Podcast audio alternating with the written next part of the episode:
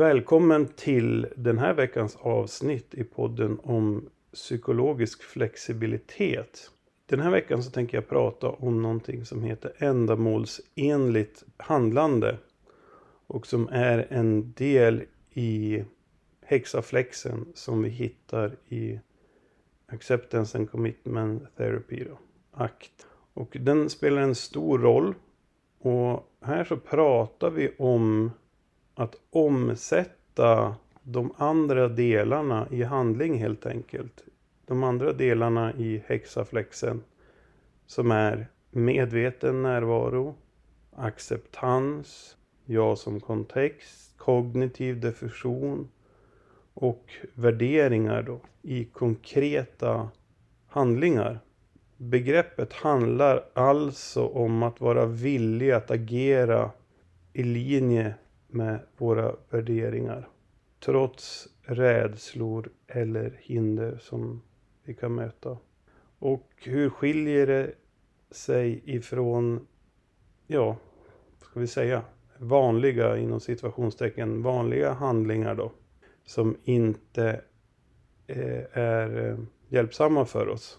Ja, till skillnad från impulsiva eller reaktiva handlingar som eh, vi använder oss av för att eh, slippa eller komma undan obehag, ovilja eller olust. Så bygger ändamålsenligt handlande på en medveten och riktad handling som går i linje med det som är mest betydelse för oss. Snarare än tillfälliga känslor då. Så att vi går alltså ifrån ett känslobaserat agerande till ett värdebaserat agerande. Och för att eh, eh, sätta in det här i något sammanhang och göra det lättare för dig som lyssnar och förstå vad jag pratar om så tänkte jag att vi ska eh, ta en av historiens mest minnesvärda ledare som exempel och det är Winston Churchill.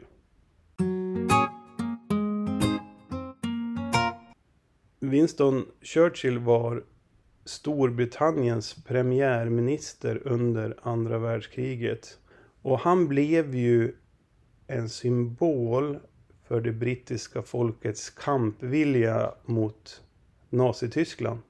Och Churchill är också känd för sitt starka ledarskap och talarkonst och sitt författarskap som man också fick eh, Nobelpriset för i litteratur eh, 1953. Och jag tänker att många som tänker på Churchill eh, tänker på hans tal och hans eh, utstrålning. Det är i alla fall jag. Han hade ju en enorm utstrålning. Och det som är så intressant med honom det var ju att han använde liksom sin förmåga att nå ut till människor genom sina tal. Eh, och, och, tidigt eh, så använde han också eh, radion. Det var också någonting som... Så både att stå inför människor men också tala i radion var någonting som han använde flitigt. Och de här radiotalen fick en jättestor betydelse för det brittiska folkets kampvilja. De var ju otroligt viktiga under den väldigt svåra tiden som det brittiska folket fick utstå. Ja, hela Europa fick utstå. Men det som många kanske inte vet när det gäller Churchill är ju att i början av sin politiska karriär så hade han talarskräck.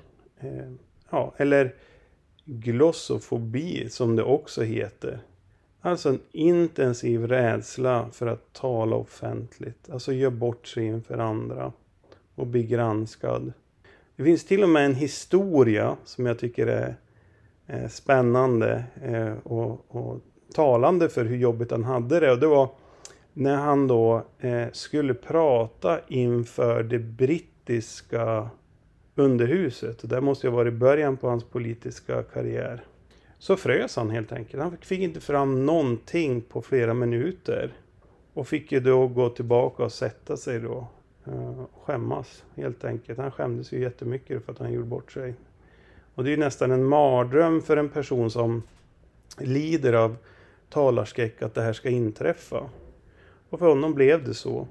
Men det som är så intressant att efter den här förutmjukelsen så tillbringade Churchill år med att noggrant förbereda och öva på att genomföra sina tal.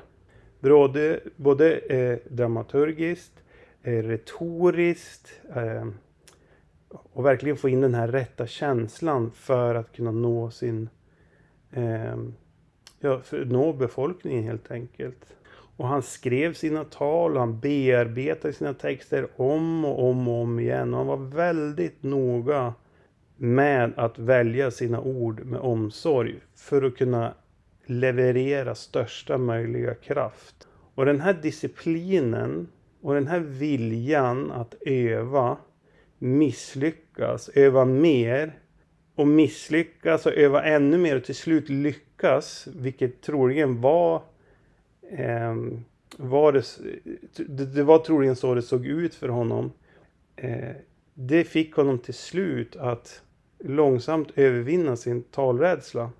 Och här är ju någonting som är viktigt då att belysa. Att det som hela tiden fick honom att ställa sig över sina tillfälliga negativa känslor och tankar. Som han hade om sig själv, om sin förmåga att prata inför andra, vad andra skulle tycka om honom. Det var hans syfte i livet, hans grundläggande värderingar att tjäna sitt land, tjäna sitt folk och mänskligheten. Och det som är så spännande om man tittar på det här med honom, att man kan också se det hos andra framstående personer. Alltså precis som att han lät sig vägledas av ett högre syfte så gjorde ju också Martin Luther King det. Gandhi. Rosa Park. Marie Curie. Och många, många fler. Alla de här hade ju olika typer av utmaningar som hade gjort att det hade faktiskt varit lättare för dem att avstå alla sexuella trakasserier till exempel som Marie Curie fick utstå och hur man bemötte henne inom forskarvärlden på den tiden, alla män som betedde sig. Det hade varit lättare för henne att bara släppa det där och göra någonting helt annat. Rosa Park, när hon satte sig på bussen till exempel, eh, när hon talade om de svartas rättigheter. Jag menar, hon fick utstå otroligt mycket hat samma där, det hade varit mycket lättare att bara anpassa sig till de rådande normerna som fanns då och inte göra så stort väsen av sig. Kortsiktigt. Bara kortsiktigt att ge efter de här känslorna såklart. För inom dem så fanns ju någonting mycket större som de ville följa och som gjorde att de kunde ge utrymme för de här jobbiga, jobbiga känslorna. Och det är också det som är ändamålsenligt handlande då.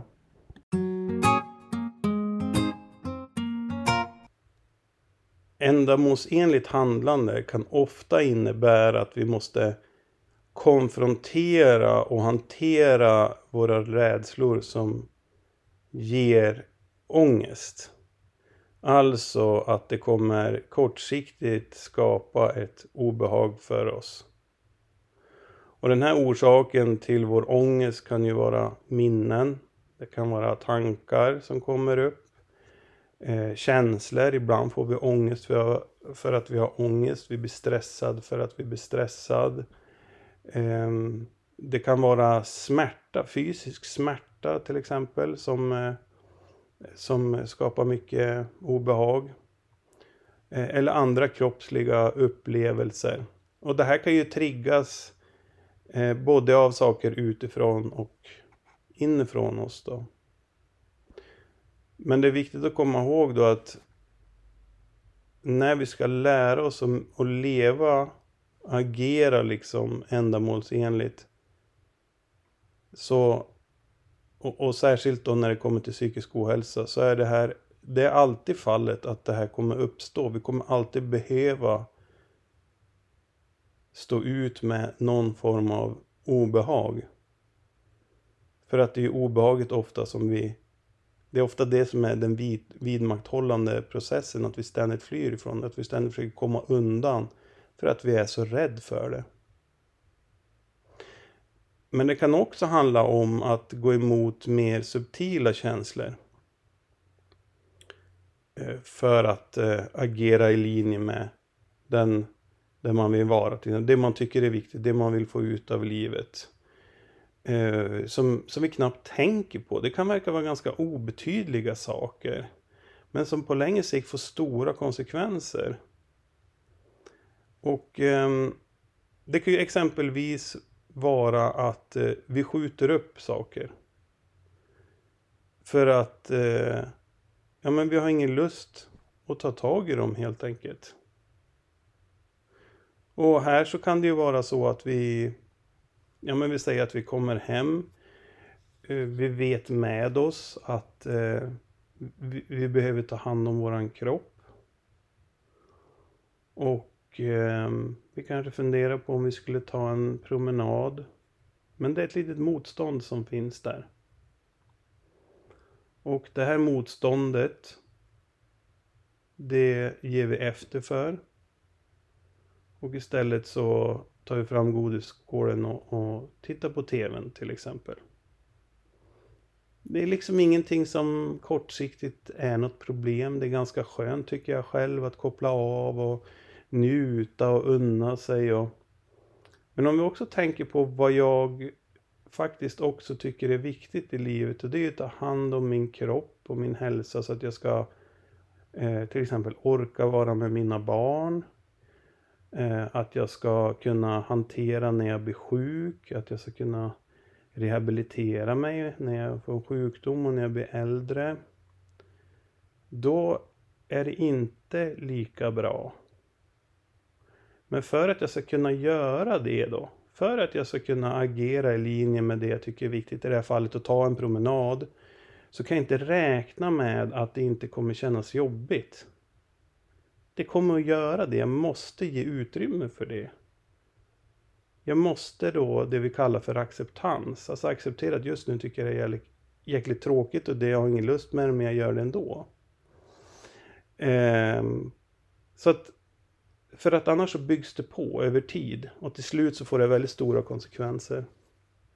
Ett annat exempel kan ju då vara när ehm, ja, men vi tänker oss att det, det skramlar i bilen.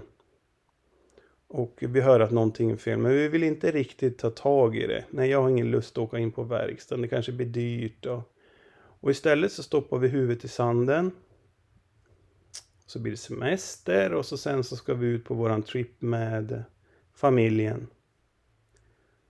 Och så sen så brakar bilen. Och starten på semestern blir allt annat än positiv och det blir väldigt dyra reparationskostnader när det har gått så långt.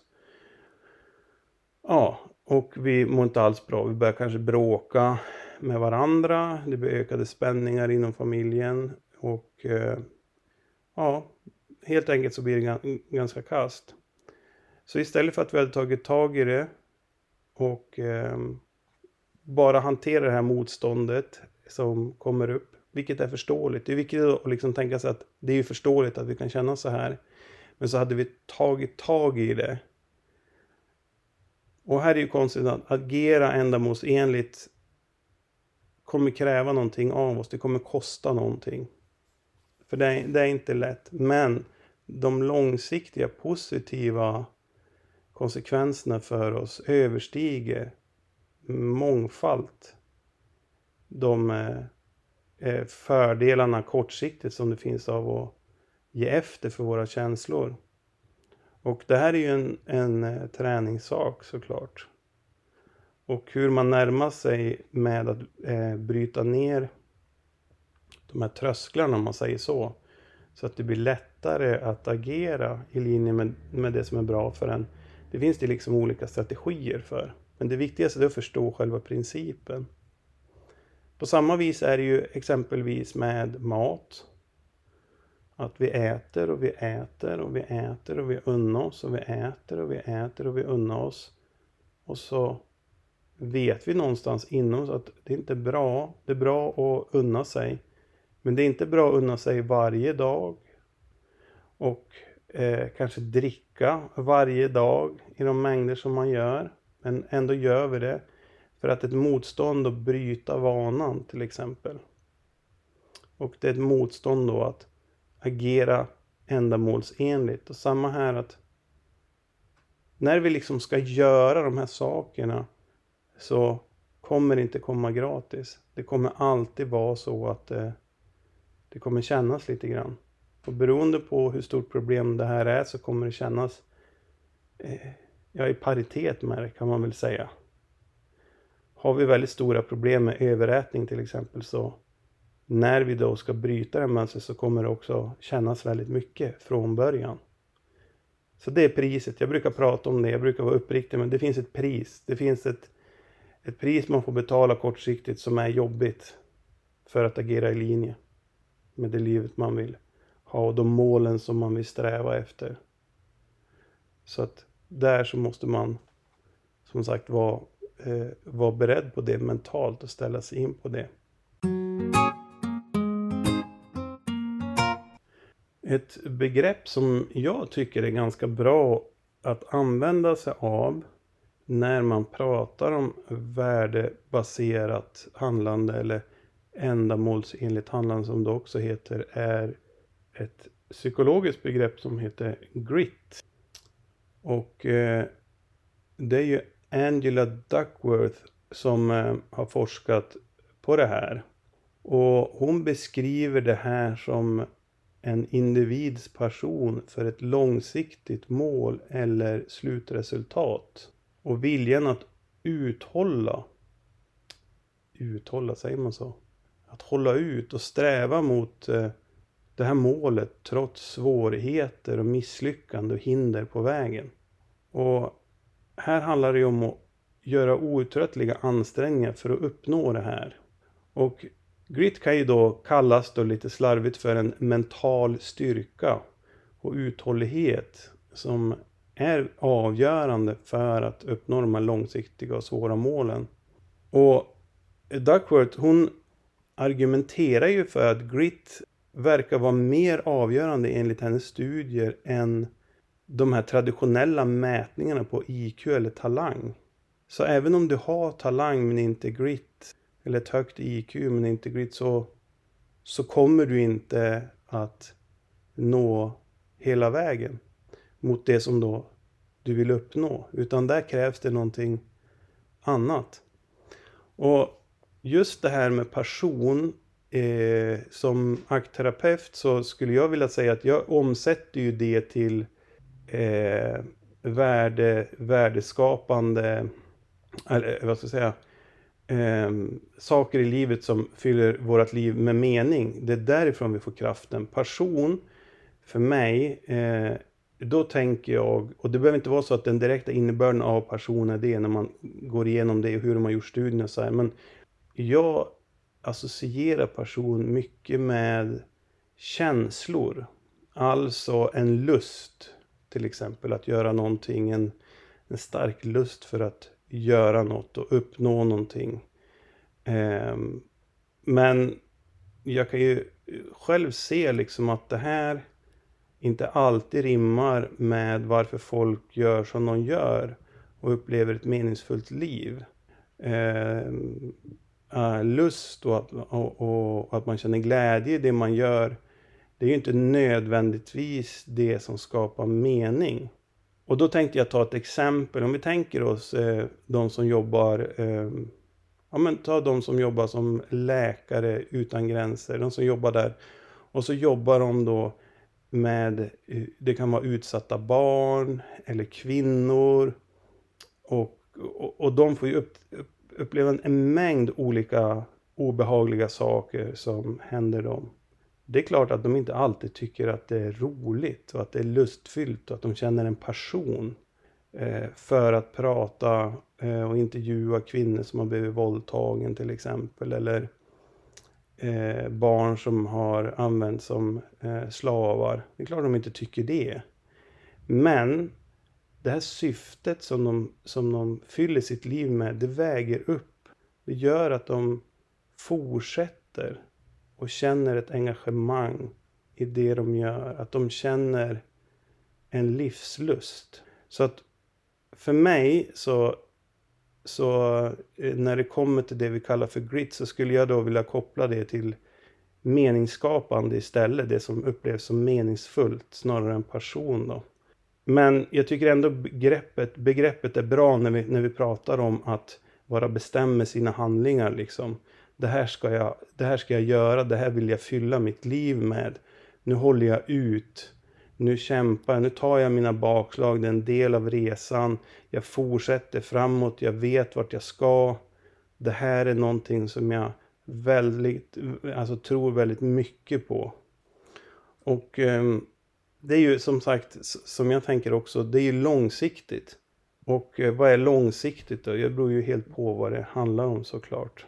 Men långsiktighet är ju, en, eh, när vi pratar om ändamålsenligt handlande så är det ju långsiktighet vi pratar om. Hjärnan, den vill ju av evolutionen, antar jag då, eh, tänka kortsiktigt. För att om den inte kan överleva här och nu, då spelar det ingen roll vad som händer om ett år. Så den tänker ju kortsiktigt hela tiden för att maximera vår chans till överlevnad. Men ibland så blir ju det här inte funktionellt i förhållande till den kontexten vi befinner oss i.